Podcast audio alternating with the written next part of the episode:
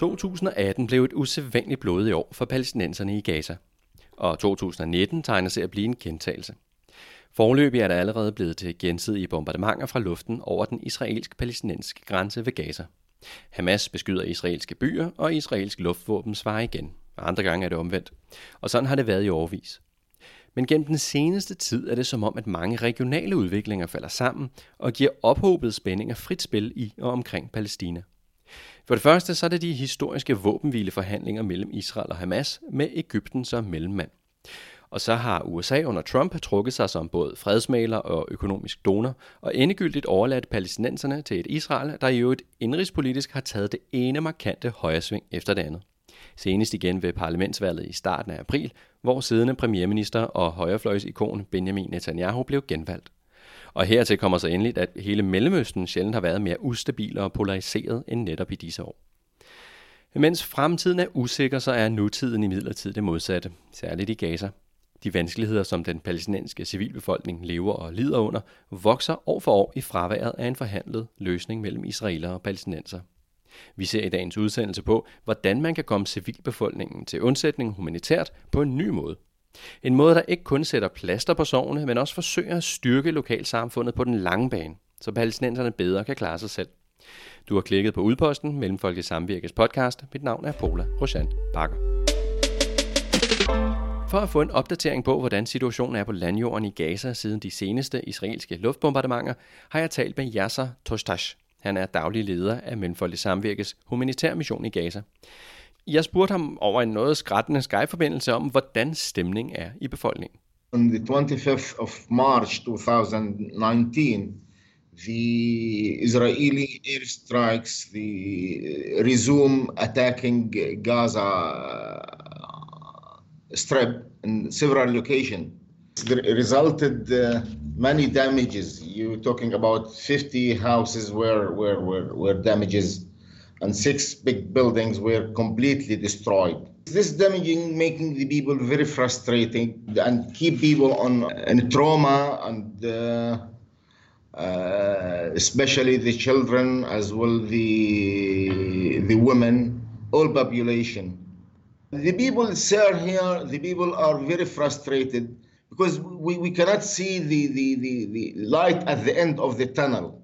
You know, the people are, are very hopeless from the silence of the international community, the people, their eyes towards the international community to practice more pressure towards the, the, the Israeli state occupation to stop this violence. Yeah, the situation is, is, is very fear here, the frustration, uh, especially for the, the, the children and women, the high number of unemployment reflect negatively towards the, li- the life of the people. Yasser Tostash fik tidligere i foråret besøg fra Danmark. En delegation bestående af embedsfolk fra Danida samt rådgivere fra Mellemfolkelig Samvirke tilbragte nogle dage i Gaza. Og blandt de sidstnævnte var Morten Gøbel Poulsen. Han er MS's egen programkoordinator for Mellemøsten og Nordafrika. Jeg talte forleden med Morten om blandt andet hans indtryk fra Gaza, og om hvordan man laver udviklingsarbejde for at skabe varige forandringer i lokalsamfundet. Der er mange ting, der gør indtryk på en, når man, når man besøger Gaza, som er et uh, helt ekstremt sted. Uh, det første, det er selve grænseposten, altså Eres grænseposten, når man skal ind i Gaza. Fra Israel. Fra Israels side, som ligner jo et, et det sted fort, man skal igennem. Uh, meget ubehageligt, og masse checks og kontrol. Hvor, hvor grundige er de her checks? Ja, men de er jo meget grundige, og de er allerede grundige, før man kommer ind, fordi man skal søge om, øh, om visa til at komme ind i, i Gaza, og, øh, og det er sådan en lotteri næsten, når man får det eller ej. Vi var så så heldige at få det øh, lige få dage før.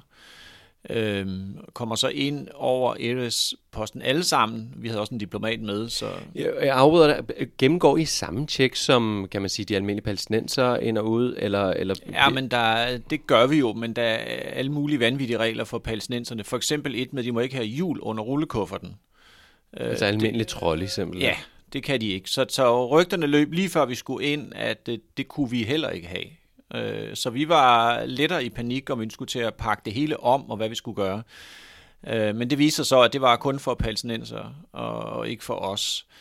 Der kom også et rygte lige inden om, at man skulle have ekstra pasfotos med, som de skulle have, og så måtte vi rundt og få dem taget øh, huhej vilddyr i Bethlehem, før vi tog ned. Og dem brugte de heller aldrig. Så der, så der er en masse... Øh, Jamen, der er en masse postyr omkring det her, og det er en meget, meget ubehagelig grænsepost, hvor man bliver virkelig øh, tjekket og udspurgt af israelerne og går igennem flere x-rays, så de her, øh, ja, hvad hedder de, det er sådan en, øh, det er sådan nogle, øh, hvad kan man kalde det, menneskemaskine, altså du, du skal, det er sådan en, der drejer rundt, så du skal gå ind i den og så dreje, og så står de så op på sådan en korridor højt oppe, øh, du står på en platform? Du står på sådan en platform i et kæmpe stort lokale, og så står de op på, på, plat, på, på, på korridoren der og, og holder øje med dig, med, selvfølgelig med skarpladte våben. Øh. Så det er i det hele taget en, en ret ubehagelig oplevelse, men det er, jo, det er jo så for at komme ind, så kontrasten er lidt, så kommer man hen til Hamas, en kilometer længere, efter man er gået igennem sådan en lang øh, tunnel. Nu er du inde i Gaza? Nu er jeg inde i Gaza, de sidder og ryger store cigarer, og der foregår det sådan lidt mere håndholdt, og ham, vores mand i Palæstina, er lige hen og forhandle lidt med dem, og jamen det er jo dem her fra Danmark, der er kommet, og nå ja, okay, fint nok, lad bare dem komme ind. Så, så det, er, det er to meget forskellige verdener, der er i spil her. Og når du så kommer ind og ser, ja. hvordan menneskene bor og alt det her, hvad, hvad er det Jamen så, det første, det første, det gør jo et øh, ufatteligt sådan, fysisk indtryk på en, øh, fordi Gaza er et fængsel. Altså Israel har lige bygget, eller ved at bygge, et kæmpestort, øh, flere meter højt øh, hegn rundt om Gaza, sågar også ud i vandet. Så Gaza er totalt øh, hegnet ind, og der, er, øh, der ligger krigsskibe ud for, for kysten, der er militærfly i luften, og så er der jo så allerede nu selvfølgelig øh, ja, ja, hele indhegningen af Gaza, så du føler, du føler meget, meget stærkt fysisk, at jeg er i et fængsel. Og, og du, det første, du tænker på, det er, kan jeg nogensinde komme ud igen? Og det er altså den effekt, det har på dig efter få timer i Gaza. Øh, du... Er det en reel bekymring, spørger jeg? Altså, kan de finde på bare sådan at lukke ned af, af sikkerhedshensyn? Jamen, det kan de jo. De kan finde på at, at lukke ned, fordi øh, situationen i Gaza er så ustabil. Altså, da vi var der, var der, der var øh, øh, de der små øh, ballonger med, med sprængfarlige væsker i, som blev skudt ud fra Gaza og ramte øh, smadret et vindue i en israelsk beboelse på den anden side, og så bombede Israel så ind i Gaza, mens vi var der. Øh, og det er jo det, der gør... Hvordan, hvordan er det? Jamen, det er, det er jo totalt øh, syret et eller andet sted, fordi vi den aften var vi ude, øh, der er få steder at gå ud i Gaza City og spise, men der er faktisk sådan en, en lidt gammel, øh, noget der engang var sådan en mundan fiskerestaurant, hvor folk fra hele regionen, også israelere, kom og sad ud mod vandet, der var smukke strande i Gaza, og sad og fik frisk fisk. Øhm, den restaurant findes stadigvæk. Menuen er, er ikke så toptunet længere, men, men den fungerer. Og det er så en af de meget, meget få kan man sige, oaser, der er. Og der sad vi så øh, og fik at vide, at der var bombardementer 10 km længere væk. Øhm, men altså, når man tager ind i Gaza, så giver man også israelerne en til koordinater. Det er fysiske, fysiske koordinater. koordinater. Er, så, der er så øh, nogle udlændinge, der bor på det hotel. Nu var vi så ikke lige på hotellet der, men men øh, vores øh, mand dernede sagde, at det er 10 km væk, og det er, de bomber et helt specifikt sted. Øh, det behøver vi ikke være så bekymret for. Det lyder som om, at folk har fået rimelig hård hud. Ja. Jamen, det har de jo. Altså, de har jo levet med det her. Men jeg prøvede så faktisk at spørge øh, Yasser, som han hedder, hvordan... Altså Action Aid ja, Action Aid mand dernede, hvordan påvirker det? Så sagde han så, det, det hårdeste for ham var under de sidste bombardementer, hvor Hans øh, lille datter på, jeg tror hun var 7-8 år, øh, var, og også de store, han har også øh, store børn, var fuldstændig i panik, og det hele, altså hele jorden rystede, og hus blev sprængt i luften omkring dem, sad nede i kælderen under et bord, og fortæller om, hvordan også de store simpelthen græd, og, og han prøvede at, at trøste den lille og sige, det er bare fyrværkeri, og så siger hun, nej far, jeg ved godt, det ikke er fyrværkeri, jeg ved godt, det er bomber, øh, så slår folk ihjel. Så det er jo øh, et utroligt stress, udover at leve i et fængsel, så den her stressfaktor med, at øh, hvornår går det galt, og hvornår bliver der bombet. Øh, man kan næsten, så umenneskeligt det er, er meget svært at beskrive, og så meget det påvirker befolkningen. Så det er jo en af de ting, man, man, man så med fra Gaza. Den anden ting, det er jo så lidt den anden side af det her, det er jo også den ukulighed som, og overlevelse, som, som folk i Gaza udviser altså på trods af de her, den her fuldstændig horrible, ekstreme situation, jamen så prøver man alligevel at få en hverdag til at fungere. Man, Giv et eksempel på det. Jamen eksempel, så kommer vi jo hurtigt hen i vores øh, i de ting, vi arbejder med. Øhm, øh, en af de ting, vi besøgte, var en øh, kvinde, som havde med vores hjælp fået sin egen lille butik op at stå, øh, nede i det helt sydlige Gaza Rafah, som ligger ved grænsen til Ægypten, hvor, hvor ting tidligere skulle ind igennem tunneller. Uh, nu er det blevet en lille smule lettere, men de bliver lukket fra tid til tid, så, så det er svært at få varer ind. Og som alligevel får stablet en butik på, på benene, og, og, og for hende, det giver en lille indkomst. Men, Hvad sælger hun?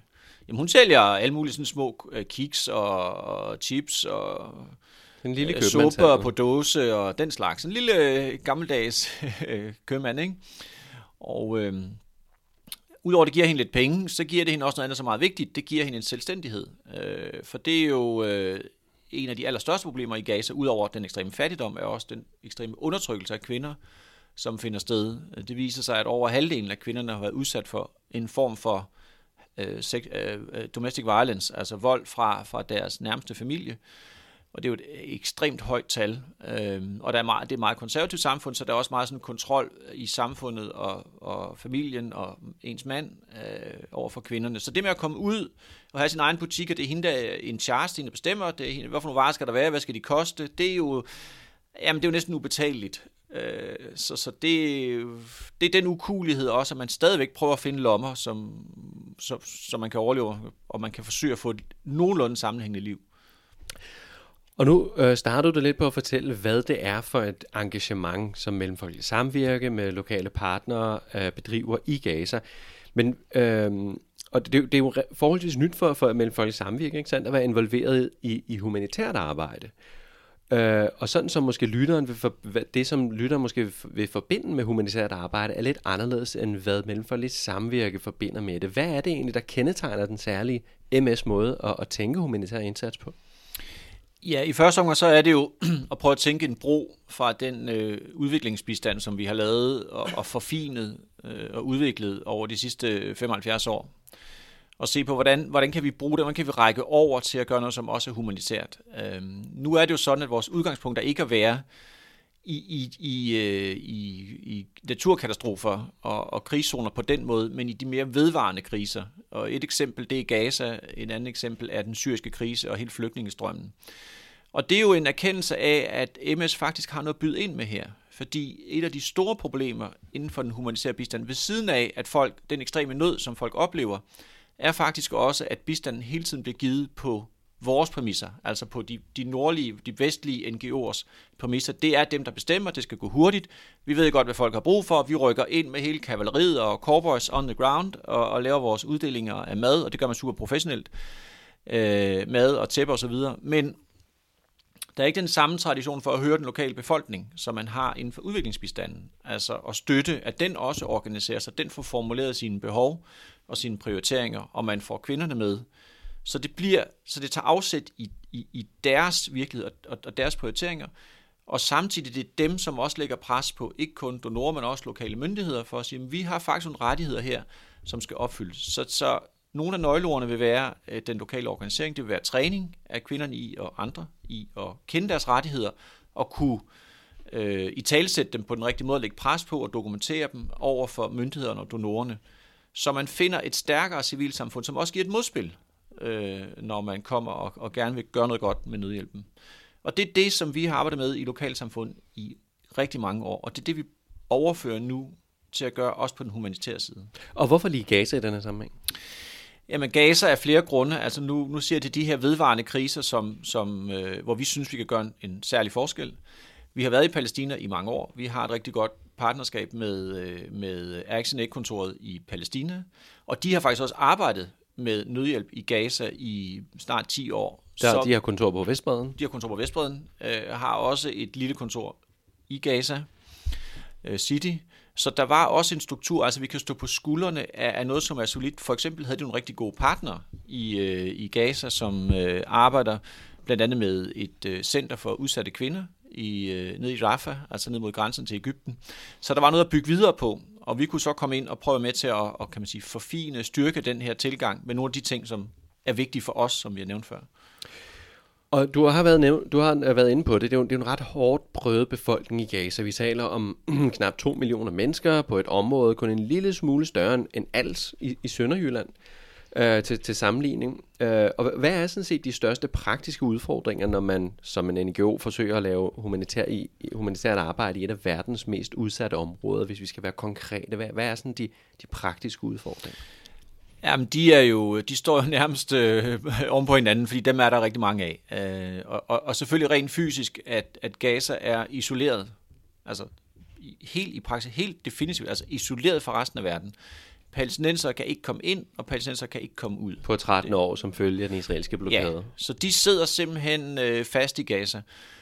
Det gør det rigtig svært for os, fordi vi vil jo gerne have, øh, altså en stor del af vores indsats, det er jo træning, og vi har en global platform, altså en træningsplatform, i, på Vestbreden i, i Bethlehem, men folkene der, trænerne, kan ikke komme ind i Gaza og træne de lokale partnere, og vi kan heller ikke få partnerne ud. Det betyder, at den her kapacitetsopbygning, der har vi været nødt til at hyre et lokalt konsulentfirma i Gaza til at stå for det. Øhm, og det er jo blandt andet det her træning af kvinderne omkring organisering og deres rettigheder og prøve at øge indflydelse på myndighederne. Og der øh, hørte vi parterne dernede, som også sagde, jamen der var der gode ting i, i træning, men de synes det blev lidt for skrivebordsagtigt. Altså det blev sådan lidt, man gennemgik sådan lidt, øh, jamen rettighederne, så lærer vi dem. Men hvor, hvor vores tilgang er meget sådan øh, actions-orienteret, altså man lærer noget, og så tager man action på det bagefter. Den var ikke rigtig kommet i spil. Og det er selvfølgelig det, vi super gerne vil. Derfor overvejer vi nu, kan vi etablere vores egen satellitplatform i Gaza, som så bliver det her den her trækkraft for, for, for kapacitetsopbygning. Det er jo så udfordringen, hvordan vi gør det i praksis. Øh, det, det var så en af udfordringerne, jeg tror lige, vi skal have foldet det her kapacitetsopbygning ud. Hvad, hvad, er det, hvad vil det sige? Hvad er det for noget, man, man lærer de her kvinder i det her tilfælde? Jamen lad os tage nogle eksempler, konkrete eksempler. Øh, øh, I Gaza er det sådan, at lovgivningen, når det kommer til familieområdet, og det er jo sådan noget med, med arverettigheder, og øh, hvis man bliver skilt, hvem der får retten til at se børn og jorden osv., det er, det er styret af sharia-lov. Og øh, den kender vi jo godt. Den øh, er... 100%... Gaza er kontrolleret af Hamas, en islamisk ja, ja, men, men det er også sharia-lov på det her område. Og det betyder, at øh, det er jo sådan set, kan man sige, 100% øh, baseret på mændenes øh, øh, præmisser.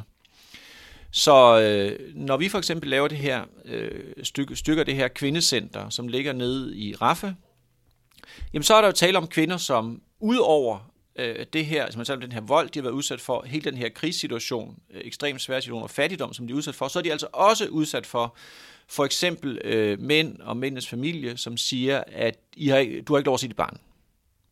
Øhm, og hvis man prøver at tage den sag til sharia, og du har heller ikke lov til at, hvis, hvis man dør, du arver ikke noget, det er, det er mandens familie, som får det hele. Så der er masser af de her sager, hvor kvinder bliver udsat for ekstrem diskrimination. Så på de her center lærer de dels omkring den her lovgivning, men man prøver også at mediere imellem manden eller mandens familie og så den her kvinde. Man giver hende også mulighed for at se sine børn helt fysisk på centret. Så hun kommer, og så er der rum, hvor man kan hvor man kan, hvor man kan, hvor, hvor, der, hvor der er legetøj, og der er te, og der, der er en rar stemning, og hun føler sig tryg ved at komme. Apropos praktiske udfordringer, altså hvordan bliver det øh, modtaget hos, hos de lokale islamisk konservative myndigheder? Altså, så kommer der altså en, en NGO ind sådan, og skal male og, øh, og, og blande sig, måske? Ja, men, men det er jo ikke sådan, vi gør det i praksis. Det er jo ikke, der kommer ikke en, det er jo ikke en sådan NGO-person, der kommer ind. Der er, man har en aftale med en, en kvindelig øh, advokat, som bor dernede, som er den, der ligesom mailer og prøver at få etableret øh, samarbejde mellem de to parter. En helt aldeles lokal skikkelse. Ja, ja, og det er, det er selvfølgelig ikke let, men, men vedkommende er dygtig og prøver at få, få familierne i tale. Og så er der jo altså også den her øh, træning af kvinderne, så de bliver stærkere og, og står mere fast på, at jeg har faktisk altså, ret til at se mine børn.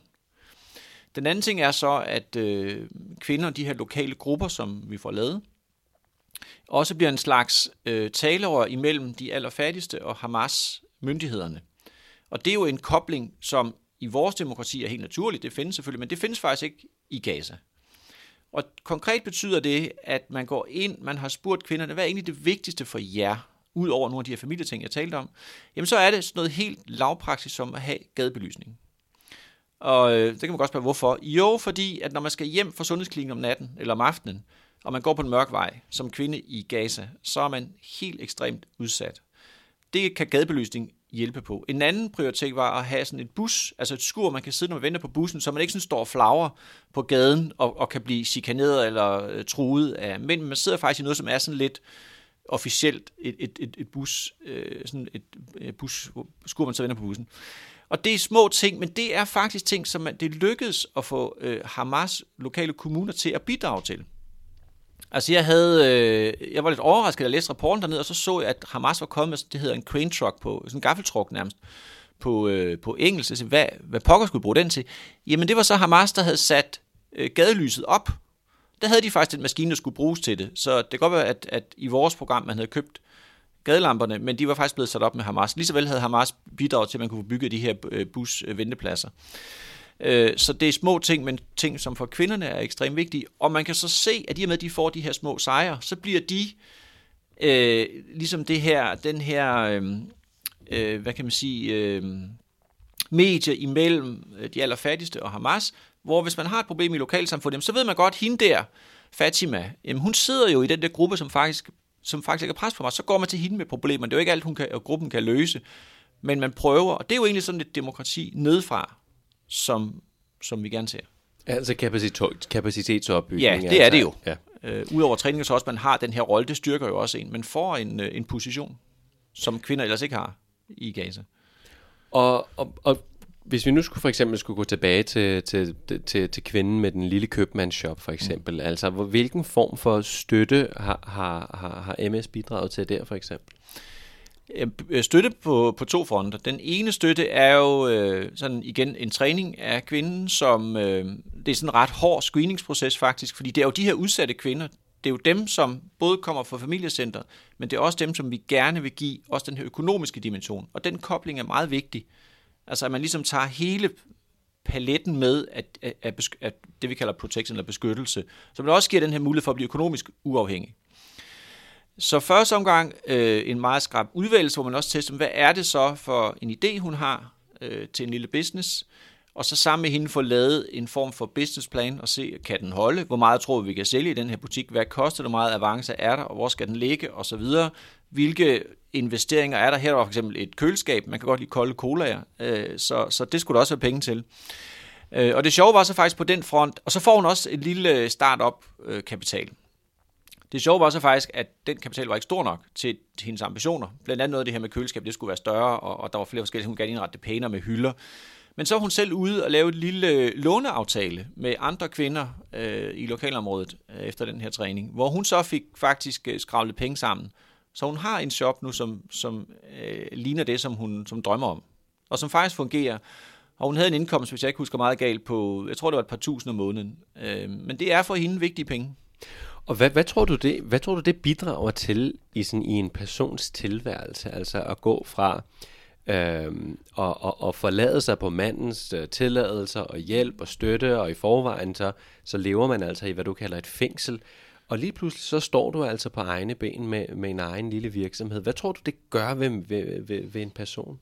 Jamen, det kan man jo næsten øh, illustrere med eksemplet, at øh, jamen, førhen har hun, hun har siddet derhjemme og været øh, ja, ikke, ikke set, ikke, ingen opmærksomhed, ingen sådan øh, omsorg for hende, øh, gemt lidt væk på grund af de her problemer, som jeg taler om. Øh, lige pludselig den tid, vi stod i hendes butik, øh, og vi lavede interview med hende, så var hun så nødt til at sige på et tidspunkt, det var ikke fordi det var langt interview, det var 10-15 minutter, der begyndte jo så at blive dannet en kø ude på gaden, så siger hun også, jeg tror også, vi er nødt til, altså begyndte sådan at signalere, jeg tror, vi skal til videre i teksten, fordi der står altså nogen, som, som, som gerne vil handle. Og et eller andet sted er hun jo gået fra at være hende, der sad derhjemme, øh, som man måske synes, det var lidt synd for, øh, til en, der står hele bydelen kender hende, og hendes butik, øh, og altså kommer og handler der. Og hun er blevet, sådan en, hun er blevet en rollemodel. Du har nævnt, øh, hvordan man, altså en af de praktiske udfordringer, eller, eller rettere vilkårene, det er, altså at, at man har et samarbejde med, i det her tilfælde, en, en militært kontroversiel islamisk konservativ bevægelse som Hamas. Så der ligger jo også et eller andet form for principielt dilemma her. Altså, og hvordan balancerer mellem folkets samvirke sig mellem på den ene side, og være nødt til at skulle arbejde på øh, de lokale myndigheders betingelser, alt andet lige. Og på den anden side, så vil man gerne hjælpe en plade civilbefolkning. Øh, hvordan balancerer man det der? Jamen det er jo helt ekstremt svært at balancere, øh, fordi der er den her no-contact-politik, både hos øh, USA, men også hos øh, EU. Hvad betyder det? Det betyder, at man skal afstå fra at have kontakt med Hamas, og i hvert fald lave aftaler med Hamas. I praksis, hvis du vil operere i Gaza, er det ikke muligt Altså nu gav jeg eksemplet før, når man kommer ind, så skal man rent faktisk have et stempel i, øh, i passet fra Hamas, for at man har lov til at komme ind. Så du kan ikke, du kan ikke bare køre udenom dem. Du nævnte etablering af gadebelysningen. Ja, så var det, jamen, det er lidt noget andet, fordi en ting er, for overhovedet at kunne få lov at, at være der, så er der ting, der er også nogle rapporter, man skal sende til myndighederne, der er nogle skattebetalinger, og der er forskellige ting. Så, så der er, du kan ikke bare sige, at vi dealer overhovedet ikke med myndighederne i det her land. Det kan ikke lade sig gøre, så, så kan du ikke være der. Men det kunne man så sige, det er jo så et absolut minimum. Det andet er, og det er jo sådan set vores grundlæggende filosofi, at vi vil gerne holde myndighederne ansvarlige for, at der bliver leveret de her services, den her støtte til befolkningen. Og øh, Hamas har ikke underskrevet nogen som helst menneskerettighedserklæringer, så det er jo, det er jo op ad bakke. Men hvis vi vil tro mod den tilgang, så skal vi prøve på kommuneniveau også få Hamas til at tage et vist ansvar. Og det betyder jo ikke, at vi dealer med dem på noget som helst politisk niveau, men vi dealer med dem på et helt lokalt niveau og siger, kan, vi, kan I også bidrage? Det er sådan set jeres ansvar, at der er som de her kommunal services. lokal myndighed. Som kommunal myndighed, at der er de her services over befolkningen. Og det er også farligt bare at, at bakke på den og så sige, at det er NGO'erne, der skal levere det hele. Det er jo ikke vores tilgang. Det er jo et eller andet sted noget, der skal være bæredygtigt på sigt, hvor, hvor, hvor der er et minimum mekanismer, der fungerer mellem dem, der har ansvaret, og dem, der har rettighederne. Og den opmærksom, øh, opmærksom lytter vil vide, at du og jeg faktisk også har, har, har drøftet det her dilemma i en anden sammenhæng, nemlig i, i en sammenhæng af Jordan, hvor Mellemfolkelig Samvirke også øh, bedriver udviklingsarbejde. Øh, og og, og hvor, hvad, hvad kan man sige, hvad er sådan den holdningsmæssige balancegang her? Altså på den ene side, øh, Øh, og i, i tilfældet Jordan, hvor man også er nødt til at samarbejde med nogle myndigheder, som altså kan blive, som, som også står bag knækkelse af ytringsfrihed eksempelvis. Ikke sandt? Øh, hvordan øh, kan man sige, hvordan gebærder man sig, eller hvordan øh, er, er der indad til en debat også i Mellemfolkelig Samvirke eksempel, eksempelvis? Ja, det er jo et stort spørgsmål, du rejser. I første omgang, så skal man jo lige, man skal nok lige, eller hvad med at sammenligne Jordan og, og Gaza, fordi selvfølgelig er der i Jordan, der er en, øh, en regering, som tager et væsentligt større ansvar for øh, services til, til borgerne. Der er også en regering i Jordan, som gerne ser, at unge stemmer til valget og bliver engageret i politik. Øh, men så er der i Jordan også røde linjer for, hvor langt man kan gå, lige præcis når du taler ytringsfrihed og øh, forsamlingsfrihed. Øhm, og det er jo en, der prøver vi at balancere, og det vi gør i praksis er, at vi i, i Amman, hovedstaden, har etableret det, vi kalder sådan en safe space øh, for unge, hvor de kan komme, og hvor de kan formulere deres egne visioner, og sætte deres egne events i gang og debatter i gang. For eksempel har de debatteret den nye øh, arbejdslov i Jordan, de har debatteret den nye skattelov, som er ting, som man synes har en social slagside. Øh, og de ting kan man godt gøre. Øh, men det er, hvis man går ud og kritiserer religion, eller man går ud og kritiserer kongen, så så falder der brand ned. Så, så der er selvfølgelig røde linjer øh, i Jordan, og, og vi, vi prøver ikke at gå så tæt på, så, vi, så vores partner, altså de skal jo ikke komme i problemer, men omvendt så insisterer vi også på, at vi skal prøve at have sådan et sted. Altså det her vil jo være, i Gaza kan du ikke, altså der er du et helt andet sted, du kan ikke, du kan ikke have de her debatter, du kan ikke, du kan ikke gå ind sådan på den måde og, og kritisere regeringen. Og, og, og Men hvad vil du sige til en kritiker, som siger, jamen bør man overhovedet være der så? I Gaza? Ja. Jamen, det skal du jo spørge befolkningen om i Gaza. Altså, du skal jo ikke spørge mig. Øh, men jeg har for nylig besøgt det center for, øh, for kvinder nede i, i Rafa, som jeg synes var utrolig overbevisende. Vi sad og havde samtaler med kvinderne, de fortæller os, hvad det betyder for dem og deres liv, at der er det her sted, hvor de kan komme, et, øh, et sikkert sted, hvor der er nogen, der hjælper dem, de kan se deres børn, de får mulighed for at de her små businesses kørende. Du skal spørge dem, synes jeg. Vi går jo ikke ind og støtter Hamas på nogen som helst måde, men vi støtter en lokal befolkning. Og hvis vi skal her afslutningsvis se lidt frem, hvad er egentlig det langsigtede succeskriterium for, for Mændfolk i at give gaser? Jamen det er jo, øh, her skal vi også være realistiske, tror jeg. Og, og vi har en bevilling i Gaza lige nu på, på et par millioner, to og en halv millioner om året. Så, så, så det er jo det niveau, vi taler om. Og, og, og desværre er behovene i Gaza enorme. Men vi har forsøgt at koncentrere om øh, vores indsats i, i et ret afgrænset lokalområde. Øh, Øh, vi har det her center, som fungerer vældig godt. Øh, vi har de her grupper, som fungerer godt. Og ambitionen på, på en lidt længere periode vil være, at vi får mere af det. Det kan være, at vi skal have flere centre, det kan være, at vi skal gå ind i en to-tre andre områder. Vi kan se, at vores model virker. Er der flere øh, kvinder, som vi kan organisere på den her måde, så de lægger pres på andre kommuner? Altså, så vi ser forbedringer i, i deres levevilkår og, og deres rettigheder på et helt ja, mikroniveau, kan du sige. Morten Købel Poulsen, tak for din tid. Selv tak. Og det var alt for denne gang. Du kan støtte mellem Folkets Samvirkes humanitære arbejde i Gaza til fordel for palæstinensiske børn og unge. Du skal bare følge linket i udsendelsens beskrivelse. Adressen er ms.dk-hjælp-gaza. Og hjælp er altså med AE. Og her kan du donere et lille pengebeløb og desuden læse mere om selve arbejdet. Tak fordi du lyttede med. På genhør.